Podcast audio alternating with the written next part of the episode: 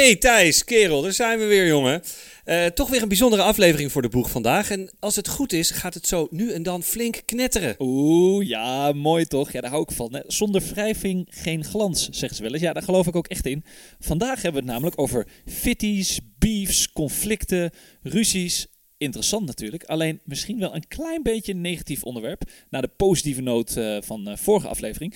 Uh, wat denk jij, Daniel? Uh, nee, er zit dus een hele positieve kant aan fitties, heb ik ontdekt. En weet je wat grap is? Mensen zijn dol op dit soort dingen. Hè? Gevechten, polemieken, concurrentie. Echt, je moet er maar eens over nadenken. Want we voeren met z'n allen strijd tegen corona.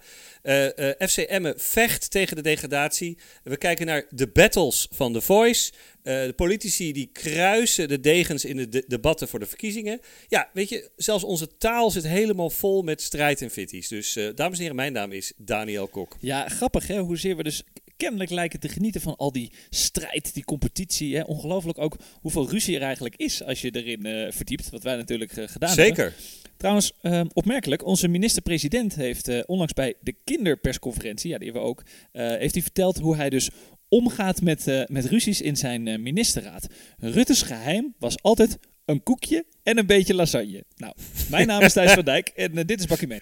Dat is toch bizar? Koekje en lasagne. Dat, is, hoe kom, dat, dat, dat slaat toch helemaal nergens nee. op? Dat gelooft toch ook helemaal niemand dat dat echt waar is? Maar goed.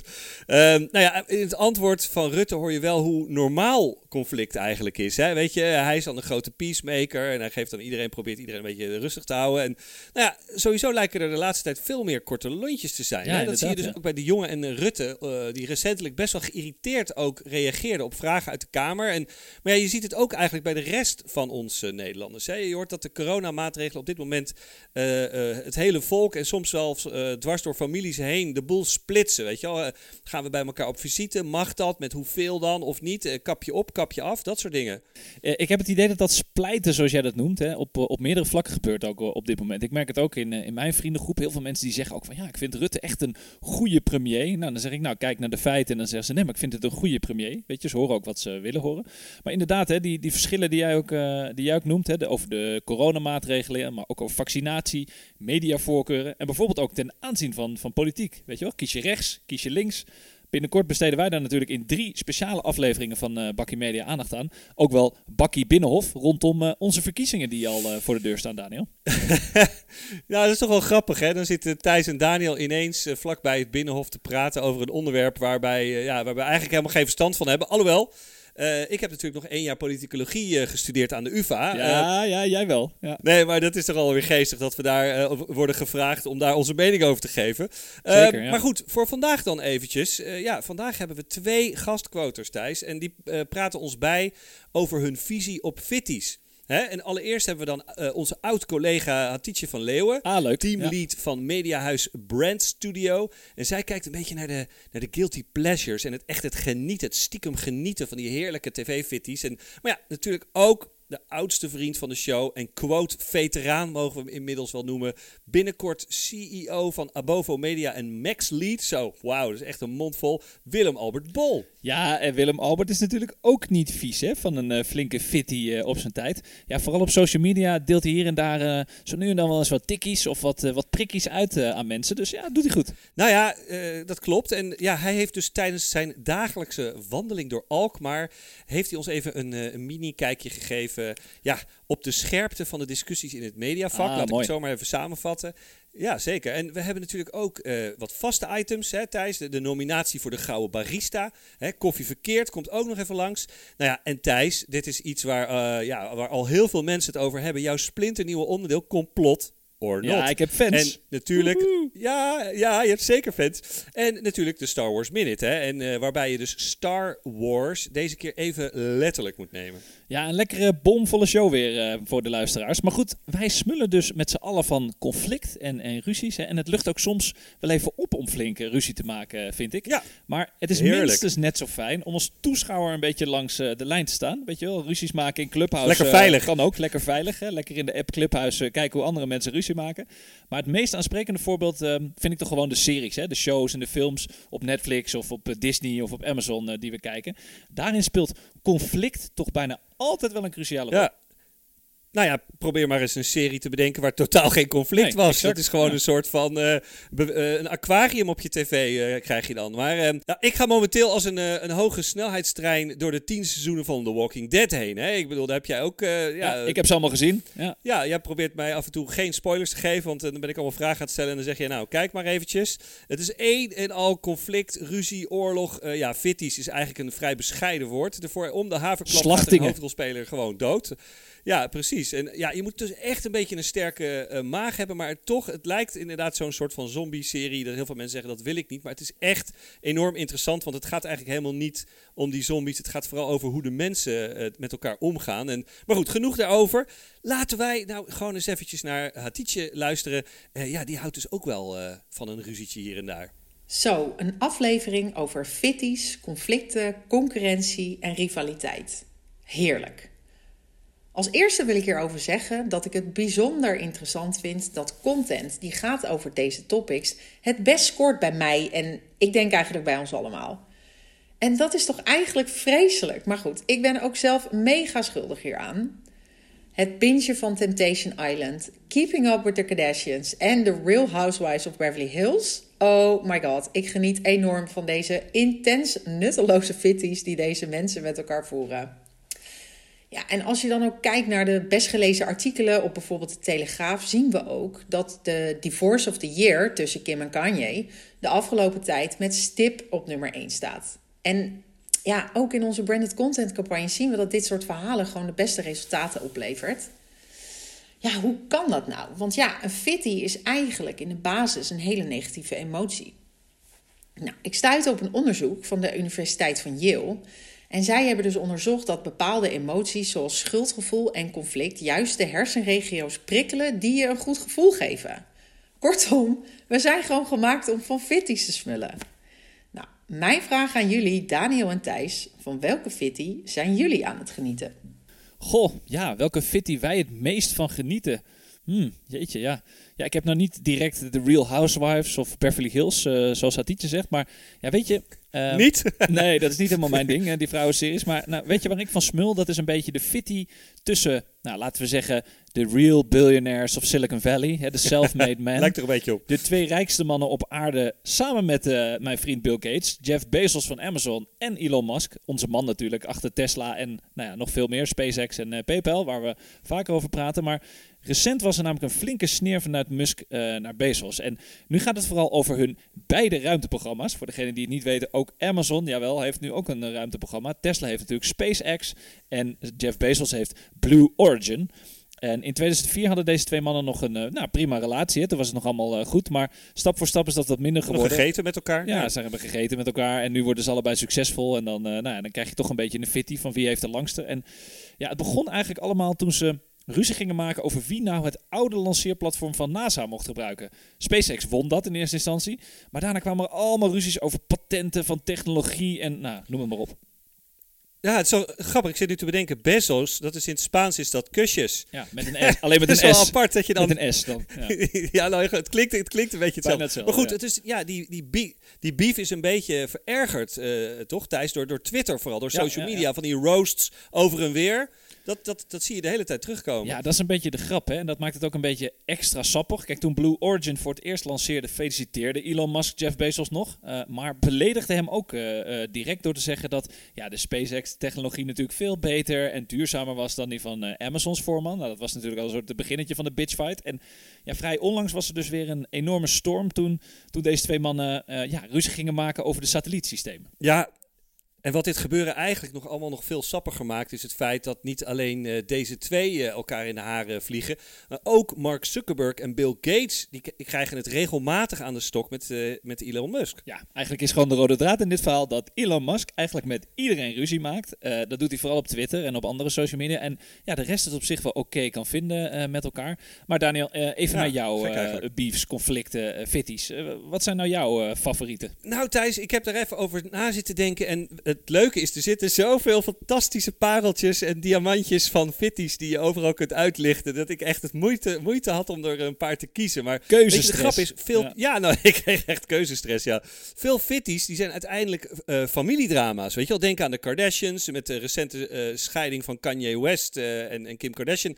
Ja, daar had, had Tietje het ook al over. Jij kwam ook nog met een bericht dat, dat de, de grote klap kwam dat ze ruzie hadden over de vakanties. Een soort klassieker. 1,7 miljard, hè? Ze moeten 1,7 miljard verdelen. Er zijn tijden dat ik het niet heb, Daniel. Nou, ze hebben gelukkig wat te vertellen, zou je bijna Ja, zeggen. Maar goed, precies, alle ja. aspecten hiervan werden dus eh, breed uitgemeten. Maar ja, je hebt natuurlijk, als je het over families eh, hebt, of scheidingen of dingen, heb je natuurlijk ook de familie Hazes, weet je wel. Die gingen rollenbollend eh, ten overstaan van de media over straat. Ja, weet je wel, Dreetje, ja. Die, eh, die had mot met zijn moeder, had hij weer met, met Roxanne, had hij weer ruzie. En toen maakte het weer uit met, met de moeder van zijn kind. En toen ging hij met Bridget Maasland tongen ergens op een feestje. En dat, dat ging ook allemaal de hele wereld over. Maar goed, een van de allerbekendste en best gedocumenteerde familiefitties. En eentje die ik eigenlijk heel goed gevolgd heb de afgelopen jaren. En die ook echt, nou ja, misschien nog veel heftiger is dan al die andere. Is die van de Holleders. Ja, ja, Weet je wel? En ik heb namelijk rec- recent eh, ja, de, de, de podcast Familiegeheimen geluisterd van onze partner Topcast Media. En daarin eh, ja. is Miushka Wietsen, Wietsenhausen, de bekende eh, televisiekok, die eh, interviewt dus haar moeder, Astrid Holleder, want dat is haar moeder. En ik heb dus ook het boek Judas ge- gelezen. Er was ook weer een serie met Rivka Lodijzen volgens mij in de hoofdrol. Dat was op Videoland. En je had het boek De Heineken-ontvoering van Peter R. de Vries. En daar zijn weer twee films van gemaakt, een Nederlandse en een Engelse. En nou ja, van alles en nog wat. En ja, dit is toch ook, ja, heel eerlijk, toch ook weer iets waar iedereen met z'n allen van eh, zit te smikkelen. En wat daar nog bij komt, is omdat er een rechtszaak is, wat natuurlijk allemaal openbaar is, kun je natuurlijk al die details kun je allemaal eh, ondervinden en achterhalen. En nou ja, de grootste verrassing eigenlijk recentelijk dan uit, eh, uit die podcast was toch wel dat, eh, vond ik, dat Astrid Holleder zich nog steeds super schuldig voelt over wat ze gedaan heeft. En ja, dat boek heet niet voor niks Judas, want zo voelt ze, voelde zich, zichzelf. En ze schoot zelfs even vol dat ze zei, ja, eh, op het moment dat ik een Tom Poesje, denk ik eraan dat hij dat niet heeft. Dus ze had nog steeds onwijs veel empathie voor haar broer. Vond ik eigenlijk best wel opmerkelijk. Ja, en jij noemt een aantal eh, voorbeelden. Dus dit is de beste branded content, denk ik, die ik ooit heb gezien. Ik heb zoveel eh, content-executies gezien. Vond trouwens ook een, echt, een, eh, echt een goede podcast. Ze hebben nu ook een doorvertaling gemaakt met eetgeheimen. Dus Miljuska is ook in de wereld van de, van de podcast beland. Maar ja, goed cool. voorbeeld, denk ik, wat jij zegt. En ja, eigenlijk is true crime. Hè? Daar raken we toch een beetje de essentie van hoe dat komt. Dat we smullen van die ultieme fetes en die ruzies en die conflicten. En ja, jij als onze expert, waar komt dat toch door, Daniel? Nou ja, sowieso denk ik dat bij, bij eh, misdaad dat de allerhoogste mate van emotie loskomt. Ik bedoel, natuurlijk heb je, kun je ook enorm veel ruzie krijgen over andere dingen. Over de vakantie bijvoorbeeld, zoals Kim en Kanye. Maar bij misdaad, als iemand wordt eh, vermoord of er wordt echt eh, heel veel geld gestolen, dan komt er zo ontzettend veel passie en emotie los. Maar nou ja, weet je, ik ben er even verder in gedoken. Ehm, we moeten hiervoor wel even onze amateur psychologie hoedje opzetten, Thijs. Eh, wat er eigenlijk, wat ik vond, is dat het uiteindelijk neerkomt op een soort leedvermaak. Hè. In het Duits heb je daar een mooi woord voor, schadenfreude. Ja. En dit is een, een psy- psychisch mechanisme wat heel diep in ons wezen en ons instinct ligt eh, nou ja, ingebed, zeg maar. En uiteindelijk is het dus zo dat de sociale status van iemand die dus eh, ruzie heeft of eh, vernederd wordt of verslagen wordt of faalt of omlaag valt, dat doet jou of jouw groep ja, in theorie weer stijgen. En dat is misschien helemaal niet echt zo, maar zo voelt dat. Denk je, haha, de Kardashians zijn failliet, haha. Voel me beter daarover. Ja, Ja, precies.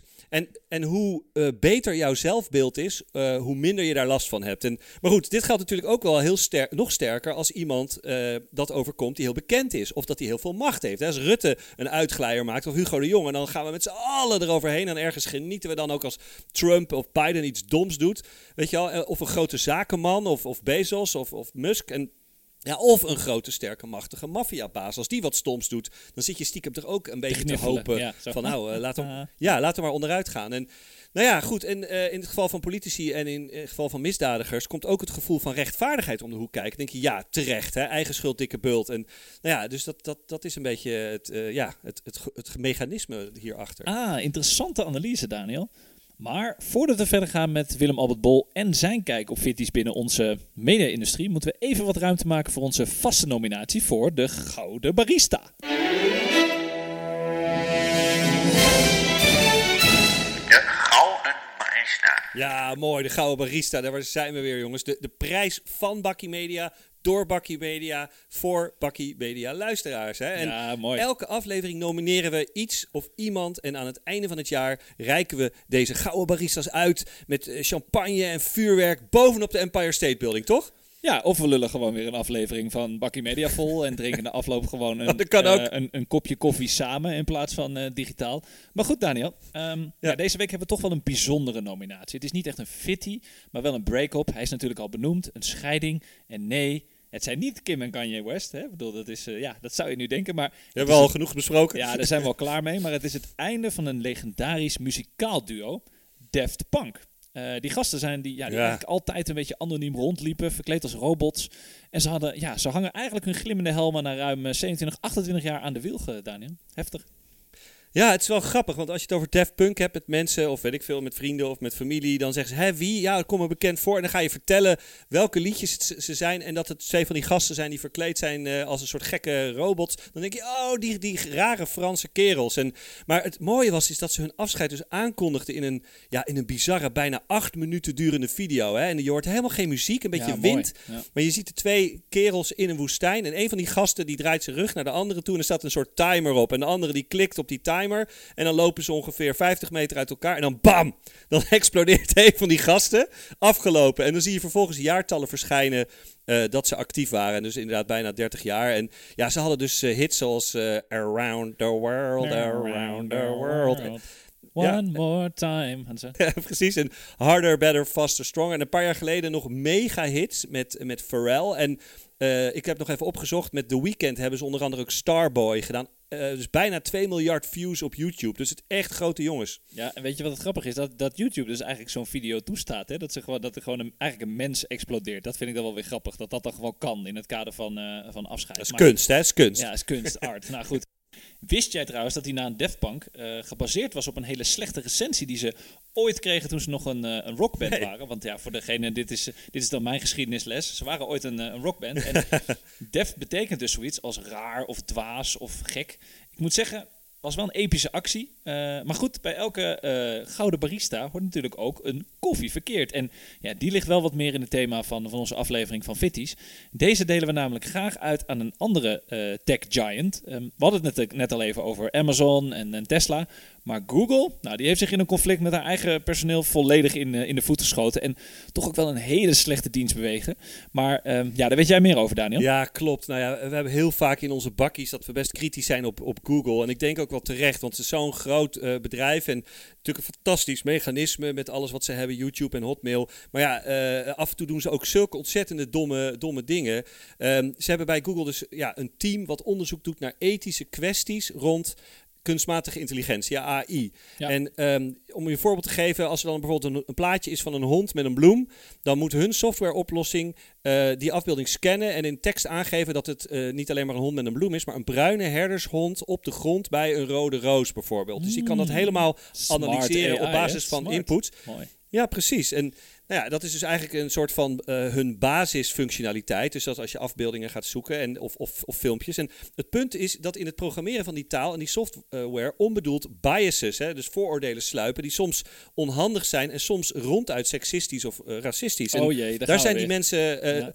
ja. nou precies. En daar is dat team dus mee bezig. Maar goed, een van de oprichters van de unit, Margaret Mitchell, is dus ontslagen. En zij is de tweede in een reeks van medewerkers die eruit worden gekikt. Want voor haar is ook een andere medewerker, Timonit Gebru, eruit gewerkt. En het pikante is, is dat Google deze unit juist vrij spel had gegeven om vrij te kunnen nadenken over ethische kwesties. Maar dat juist die vrijheid zich nu tegen Google keert. En Ja, ja, ja. omdat eh, die rapporten die zijn allemaal niet zo positief. En volgens deze medewerkers ja, waren dus diversiteit en inclus- inclusiviteit ver onder de maat. En ja, maar dit rapport wordt dan vervolgens door management geblokkeerd.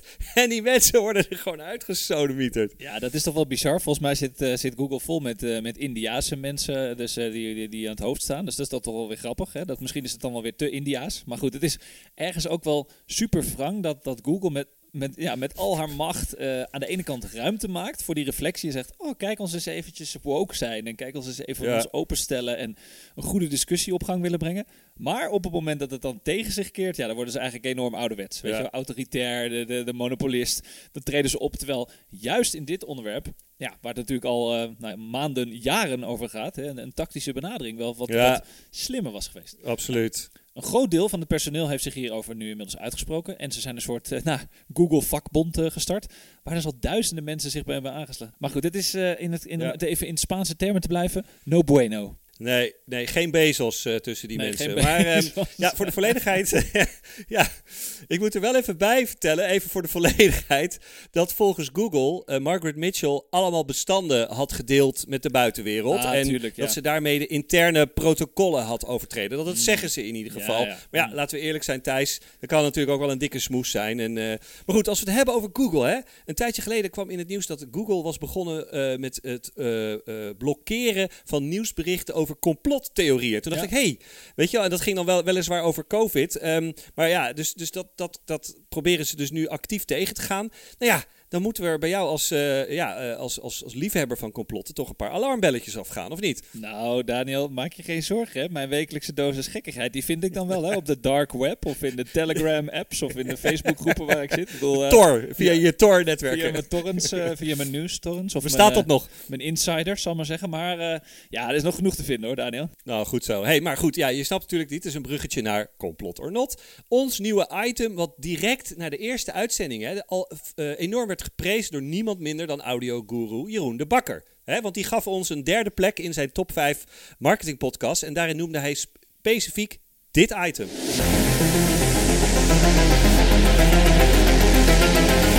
Complot. Or not.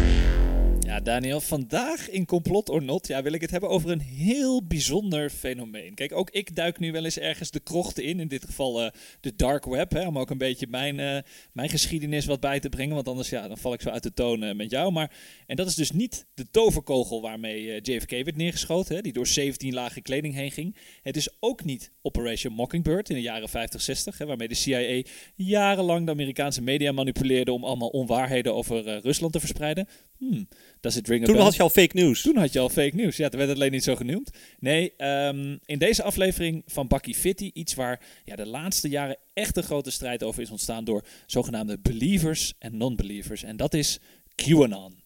Wie kent het inmiddels niet? Hè? De nieuwste online godsdienst, religie, secte, noem het maar. Waar een eh, mysterieuze leider genaamd Q allerlei cryptische boodschappen de wereld in helpt. De zogenaamde Q-drops noemen ze het wel eens. Nou, doet ook een beetje denken aan Q van James Bond. Ken je die nog? Dat is een beetje jouw. eh, jouw Ja, daar moet ik ook de hele tijd aan denken als ik het hoor. Ja, precies. De Q, weet je wel. Nou, wanneer komt er weer een, eh, komt er weer een gadget? Maar voor de non-believers, voor de mensen die dus nog nooit van QAnon gehoord hebben, of de, nou ja, de mensen die het niet snappen. Als je Q-clearance hebt binnen de, de Amerikaanse overheid, dan heb je dus toe- toegang tot het hoogste niveau van classified information. En Anon staat dus voor Anonymous, voor degene die dat niet weten. Dus QAnon is dus hè, de Q-clearance eh, Anonymous. En dat is de afgelopen jaren extreem gestegen. Van Operation Snowflake tot nou, Pizzagate. Hè, wat veel mensen wel gehoord hebben van die man die de pizzeria is binnengevallen. En dacht dat daar eh, kinderen werden eh, nou, geslacht, verkracht door eh, nou, bekende, bekende Ja. kopstukken. Wat niet bleek zo te zijn. Nou, dat hebben we allemaal dankzij Q. En nu heb ik dankzij jou, eh goede tip van jou Daniel, de, de podcast van Ja. Reply All geluisterd. Waar in een uurtijd het ontstaan van QAnon wordt uitgelegd. En ja, ben ik aan de hand daarvan op iets extra bijzonders gestuurd. Waar deze complot over gaat. Want wat denk jij dat de overeenkomst is tussen QAnon en yoga? Ja, eh, dat het alle twee super vaag is of zo. dat is zoiets. Allebei is het niks voor ons waarschijnlijk, maar volgens de BBC eh, heeft yoga namelijk een complottheorie-probleem. Er was een artikel verschenen op de BBC. In, eh, ehm, en, want in yoga-communities wordt eigenlijk dezelfde taal gebruikt als door de QAnon-volgers. Dus wat te denken van termen als The Great Awakening, The Storm, Where we go one, we go all. Nou, dan gaat het bij yoga dan vooral over Zo. termen als bevrijding en vrijheid. En, ja, en dat doet de QAnon-community dus eigenlijk ook. Het gaat ook over bevrijd het, bevrijd het volk. En dus zijn Ja, yoga-leraren dan bewust of onbewust de QAnon-leer gaan verspreiden onder hun social media volgers. Hmm. Dus ja. mijn complot or not theorie van vandaag. Wellicht is de bedenker en oprichter van QAnon, ook wel Q genaamd, wel een vervent yoga-liefhebber. QAnon, yoga dus. Hè? misschien is daar wel een eerste stap gezet naar de ontmaskering van deze duistere, mysterieuze, unieke figuur. Of figuren, moeten we eigenlijk zeggen. Want het zijn er vrijwel zeker vele, Daniel. Ja, nou Thijs, applaus. Dit is toch alweer echt een fantastische, mooie, mooie analyse. En nou ja, kijk, eh, yoga, dat is inderdaad, dat schuurt van oudsher ook een klein beetje aan tegen alternatieve geneeswijzen. Weet je, de Oosterse therapieën, homeopathie en dat soort Ja, dingen. ja, dus het ja. gaat ook vaak een beetje over je lichaam en over balans en over een beetje een soort eh, semi-medische issues. En ehm, daar vandaan is het, ja, dus voor kennelijk voor sommigen een kleine sprong naar antivax theorieën en dus eh, QAnon. En Ja. eh, moet ik wel bij zeggen dat mijn moeder een fervente yogaar is. En die was ook Oh, lekker met, eh, in de lockdown. Zit ze lekker met haar Zoom-vriendinnen, is ze lekker aan het yoga. En zij stond gewoon met mijn 88-jarige pa in de rij voor een prikkie. Dus gelukkig is niet iedereen vatbaar voor de, deze ze is niet QAnon van vatbaar. Q. Nee, yoga. precies. Maar goed, Thijs. Terug naar de fitties, hè? want daar, eh, daar hebben we het vandaag over. Jij noemde net al de strijd tussen Elon Musk en Bezos. En daarvan zou je kunnen zeggen dat het ja, symptomatisch is van twee concurrerende bedrijven en ja, eh, zeg maar twee concurrerende ego's. ehm, dat die elkaar opdrijven richting innovatie. Maar ja, hoe zit het eigenlijk in marketing en media met de fitties? Vroeg ik me af. Nou ja, mijn analyse is eigenlijk dat eh, de grote brands van de wereld fantastische fitties hebben. Hè, waar we inderdaad met z'n allen van kunnen genieten. Laten we even nog een aantal voorbeelden noemen. Epic Games natuurlijk, waar we het in een van de eerdere afleveringen ook over gehad hebben. Het bedrijf achter Fortnite, wat heel creatief eh, aan het vechten was tegen de dominantie van techreuzen van Apple in, eh, in Google. Hè, dat ze in de, in de Apple en de Google Store problemen hadden. En of het Koreaanse Samsung, wat ook Apple op de korrel heeft. Verrassend. Ja. Of Burger King, wat al jaren met creatieve campagnes probeert om McDonald's een beetje uit eh, de tent te lokken. En ja, of natuurlijk Adidas en Puma, waar ik onlangs ook in, eh in met, met Fleur Hofstra over sprak. Waar uiteindelijk het ging om twee broers die het met elkaar Ja. aan, aan de stok kregen. Ook nog een legendarische film trouwens, de Sneaker Battle. Oké. De broers Adi Dassler en Rudy Dassler. Hè? Adi Dassler spreekt voor zich natuurlijk, welk merk dat is. Adidas. Ja. Rudy, ja, en Rudy Dassler was dus van Puma. Eh, maar grappig hoe dan toch ook vaak, ja, wat jij ook zegt, hè, persoonlijke of familiaire ruzies ten grondslag liggen aan zakelijke conflicten. Ja, nou, dit zijn, ja, dit zijn super mooie voorbeelden van hoe je met merken en media, hoe die elkaar in de haren vliegen. Maar goed, maar als je kijkt naar Nederland, valt het dan eigenlijk, vind ik best wel mee. Ik heb Ja. echt een beetje zitten nadenken. Eh, ja, al met al zijn we hier toch, denk ik, best wel beleefd tegen elkaar. Je hebt wel rechtszaken, weet je wel, zakelijke fitties en zo. Maar Braaf, eh, een beetje ja. zoals Bezos en Musk moest ik echt naar zoeken. En ja, enorm alfa gedrag, weet je, dat Amerikaanse manier van confrontatie zoeken, dat zie je in ons vak, hè, media marketing, zie je dat toch beperkt. En Ja. de, echt de, de momenten dat je even, even de popcorn en de cola erbij kan pakken en lekker kan gaan genieten van de ruzies en de gevechten op de apenrots, ja, die zijn toch wel schaars. En een van degenen die we wel eens in de ring zien stappen is een vriend van de show, Willem-Albert Bol, die we straks horen. En bijvoorbeeld eh, tegen eh, Ruud de Lange, eh, niet zo lang geleden, of eigenlijk omgekeerd. Ja, even een korte introductie voor degenen die, die dat fittietje gemist hebben op, op Twitter of op de andere sociale media op LinkedIn. Een paar maanden geleden kreeg vriend Willem Albert een, een plaagstoot van Ruud de Lange over het volwassen worden van ja, de marketingtool influencer marketing. En ja, niet veel later kreeg Ruud ja, zelf eigenlijk op Twitter het aan de stok met eh, Arno Peperkorn van eh, Result. Omdat eigenlijk de, ja, hij was voorzitter van de Mercurs jury, hè, waarin eh, nou, de prijzen voor magazines worden verkozen onder andere. En ja, Arno die zei tegen hem, ja Ruud, ik vind het eigenlijk niet zo heel divers, diverse jury. En nou goed, er was heel veel gesteggel over op, eh, op Twitter. En dan was Ja. het een paar weken geleden eh, Willem Albert Bol zelf met uh, Slaven Mandic van, eh, van Mediahuis. Ja, die kregen het even aan de stok over mediacijfers, bereikcijfers op LinkedIn. is een beetje zo'n fitty dat ja, een beetje een klein vlammetje was. Old, old school battle. Ja, maar dit zijn toch een beetje eh, ja, relatief brave discussies. Want ja, wie kent het nom nog, zou je zeggen. Maar weet je wat? Eh, laten we Willem Albert zelf even aan het woord laten. Lieve vrienden van Bakkie Media, Willem-Albert Bol hier, vriend van de show. Ehm, ik loop hier over de stadswal van Alkmaar en al wandelend pijns ik over het thema waar jullie het vandaag een beetje over gaan hebben. Ehm fitties, ruzietjes, prikkels in het vak. Ehm, ik heb daar wel wat mee. Ehm, ik vind namelijk dat wij in ons vak soms heel erg lief zijn, politiek correct zijn met elkaar. Terwijl ik zelf geloof dat zeker op inhoud, eh, je best wel met elkaar van mening kan verschillen. En dat het soms ook wel goed is dat de markt weet dat er verschillende posities zijn, niet iedereen elkaar napraat. Wat vinden jullie? Eh, stelling eigenlijk. Eh, zijn wij soms te veel gericht op verschillen en maken wij van eh, een mug een olifant en zoeken we ruzies? Of nee, lekker, laat me af en toe vonken. Goed voor het vak dat ik een discussie heb met Ruud de Lange of slaven over bepaalde dingen van ons vak.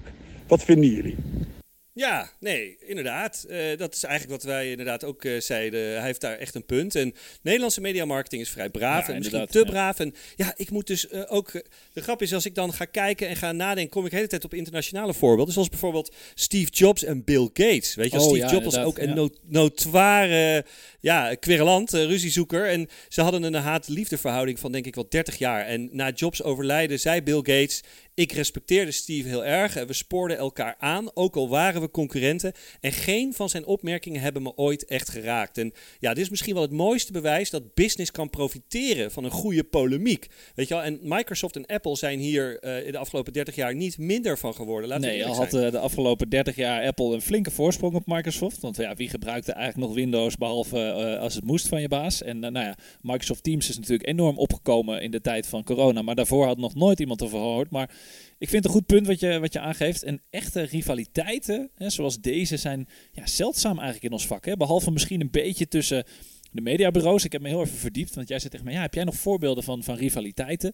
Uh, het enige wat mij, wat mij in mij opkwam was eigenlijk de, de grote mediabureaus die elkaar voor klanten de tent uitbitchen. Uh, nou ja, Hè? We zijn de hele dag tegen elkaar aan het pitchen om de, om de media-euro's. Ja, en verder, verder heb ik eigenlijk weinig spraakmakende dingen. We hebben natuurlijk in het verleden, we ooit wel, uh, was natuurlijk heel veel discussie over jouw collega Peter de Munnik, of oud-collega inmiddels. Ja, ik, ik kan er niet heel veel opnoemen qua rivaliteiten. Degene die we hebben, de spraakmakende gezichten, uh, ja, die hebben we eigenlijk wel benoemd. Heb, heb, jij nog mensen? Nee, ja, nee, precies. Ik, ik, ik, kwam op, uh, op het boek De Prooi over ABN AMRO met Rijkman Groening. Dat is toch ook wel oh, een persoonlijkheid waarvan je zegt, die hield ook wel van een flinke lompe uithaal naar iemand. En die had echt ruzie met alles en iedereen. En die beledigde mensen en maakte hele foute seksistische grapjes. Echt een soort van Trumpiaans, pre-Trumpiaanse pre type was het. ja, precies. Uh, maar ook extern, weet je al, met um, de Nederlandse bank en met concurrenten, met de ING. Hij maakte echt ongelofelijke uh, rare botte opmerkingen. Dus ja, dat is misschien nog ook wel iemand die, uh, die bij mij op. Nou, godzijdank was die man dus geen twitteraar, hè, die Rijkman Groening. Want anders werden we daar ook nog mee overspoeld. Maar de moraal van het verhaal is dat er dus eigenlijk wat meer gereld mag worden in onze industrie. Vind je ook niet? Maar ja, absoluut. Uh, om heel even een, uh, laat, ik, laat ik even een bruggetje maken. Uh, Daniel, hoe zit het eigenlijk in het heelal met de fitties? Met andere woorden, de Star Wars Minute.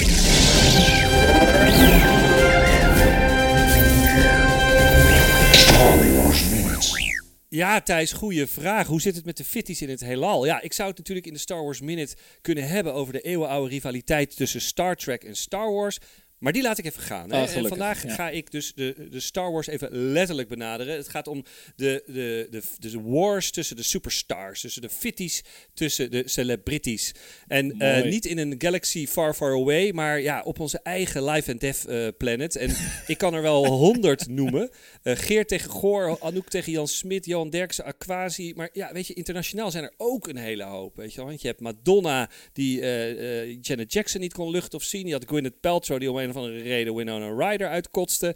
Maar goed, de koningin van de fitties, en dat is eigenlijk voor mij best wel verbazingwekkend, uh, toen ik er even indook, uh, is Taylor Swift de oh, afgelopen jaren. Het is echt fascinerend, ja, hoeveel sterren dus een hekel hebben aan Taylor Swift. En als je erover nadenkt, uh, Thijs, ja, het is best wel keurig meisje, toch? Het is gewoon eenvoudige popliedjes, niks mis mee verder, weet je.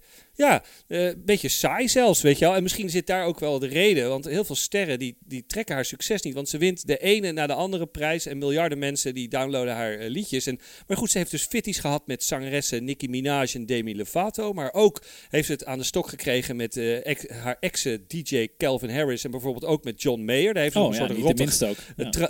liedje. Ja, precies. Heeft een soort rottig liedje over gemaakt over John Mayer. En, ja, en het duo Kim en Kanye. Ja, die komt vandaag ook de hele tijd langs. Dat zijn een notoire ruziezoekers, niet alleen met elkaar, maar ook met anderen. En Kanye maakte zelfs een soort beledigend liedje over Taylor Swift, waarvan hij zei dat hij met haar de koffer in was gedoken. En um, ja, dat... Uh, een soort wishful thinking was dat waarschijnlijk. Ja. ik, ik, denk het wel. Uh, maar goed, de beroemdste beef uh, van nou ja, de afgelopen tijd was een ruzie tussen Taylor Swift en Katy Perry. En oh. Taylor die had dus kennelijk een paar achtergronddansers gejat van Katy. En toen, daarna ging de ellende over en weer via social media En beide maakten ze vervolgens ja, een soort van diss tracks over de ander. En normaal gesproken zijn dat een soort van lelijke YouTube-raps. Maar dit waren dus vervolgens ook gewoon echt monster-hits. Want Taylor die maakte Bad Blood. Nou, dat zegt het natuurlijk al. Uh, en Katie's reactie, die maakte, ja, die maakte dus een videoclip en een liedje. Dat heette Swish Swish. Ook heel beroemd. Echt deze liedjes, even voor de goede orde, die krijgen dus miljarden views ook op YouTube. Dus het zijn echt hele grote hits. Bizar. Maar goed, dit alles duurde uh, een aantal jaren totdat ze het allemaal weer bijlegden. En Katie ineens opdook in een clip van Taylor Swift. En Katie was verkleed als hamburger en Taylor als uh, zak friet. Mede ja, mogelijk gemaakt door precies, McDonald's. Dus een soort, ja. ja, het leek eigenlijk een, een, beetje Burger King en McDonald's die elkaar vervolgens in de armen vlogen. Want dat gebeurde er ook in die clip. Dan zie je inderdaad de hamburger en de zak friet die heel erg lief met elkaar aan het uh, huggen zijn. Mooi toch? En zo werd de war tussen deze superstars vervolgens weer beëindigd. Prachtig. En niet een explosie van de Death Star. Schitterend. Nou, je kunt deze video ook terugkijken in onze show notes. Daar staat hij ook vooral in. Het is een uh, legendarische video. Zeker. Maar Daniel, het zijn niet alleen maar vrouwen die het met elkaar aan de stok krijgen, maar redelijk recent, nee, volgens zeker mij het, uh, afgelopen week, was er weer een clash tussen twee mannen. En niet zomaar twee mannen, nee, twee superstars. Uh, voetballer Slatan Ibrahimovic, die bekritiseerde het politieke activisme van niemand minder dan basketballer LeBron James. Hè. Die blijft lekker uh, Black Lives Matter supporten, dat doet hij gewoon goed. Hij is een ja. strijd tegen, tegen racisme. En Slatan zei dat, hij zei eigenlijk, ja, Sporters moeten zich bezighouden met waar ze goed in zijn. Dus James blijft gewoon lekker die ballen in, uh, in de basket gooien. En James die reageerde ja. fel. En hij, hij zei eigenlijk, ja, ik ga nooit zwijgen over dingen die verkeerd zijn. Zoals social justice en uh, racisme. Maar James had dus ook zijn huiswerk gedaan. Hij wees dus op de uitspraken van Slatan Ibrahimovic ergens in 2018. Want toen beweerde Slatan namelijk dat de Zweedse media hem racistisch bejegende vanwege zijn Bosnische achternaam. Nou, ik moet ah. zeggen, drie punten voor James hoor in dit geval. Ja, drop the mic. Niet onbelangrijk Daniel. Moraal van dit verhaal is dus eigenlijk dat fitties soms oké okay zijn. Je kunt het goed maken met hamburgers, patat en, uh, en bier en dan lekker knuffelen. ja, coronatijd natuurlijk. Soms zijn deze fitties vermakelijk. En af en toe leveren ze dus ook prachtige pareltjes op. I rest my case. Ja, en als je dan inderdaad met uh, iemand uh, de degens kruist, uh, zorg dan dat je ook je huiswerk gedaan heeft. En dat heeft natuurlijk LeBron James goed gedaan door een oude uitspraak van Slatan uit het archief te halen. Amen. Nou, net als Willem Albert, hè, die had zijn huiswerk goed gedaan uh, met het NOM. Zo zie je maar, Daniel. Het huiswerk, voorbereiding is het halve werk. En ja, weet je, ergens is het ook maar goed dat uh, uh, wij nog geen ruzie hebben gemaakt, Daniel. Want anders gingen Bakkie Media ook alweer na anderhalf jaar uit elkaar. Ik bedoel, Def Punk heeft het 28 jaar met elkaar volgehouden. Nou, dat moeten wij nog maar zien. Ja. En dat kunnen we onze luisteraars en fans natuurlijk nu nog niet aandoen. Alhoewel, nou goed. Deze aflevering zit er alweer op. Wij zijn zoals gebruikelijk terug te luisteren op alle bekende podcastplatformen. Laat daar ook eens een review achter, hè, dan weten meer mensen onze podcast terug te vinden. Ook kan je deze aflevering natuurlijk terugvinden bij onze mediapartners, De Adformatie en Topcast Media. En ook op social media zijn we te vinden. Op Twitter via @bakkimedia, op Instagram via @bakkimediapodcast en ook op Facebook voor onze familie en vrienden. Tot de volgende keer.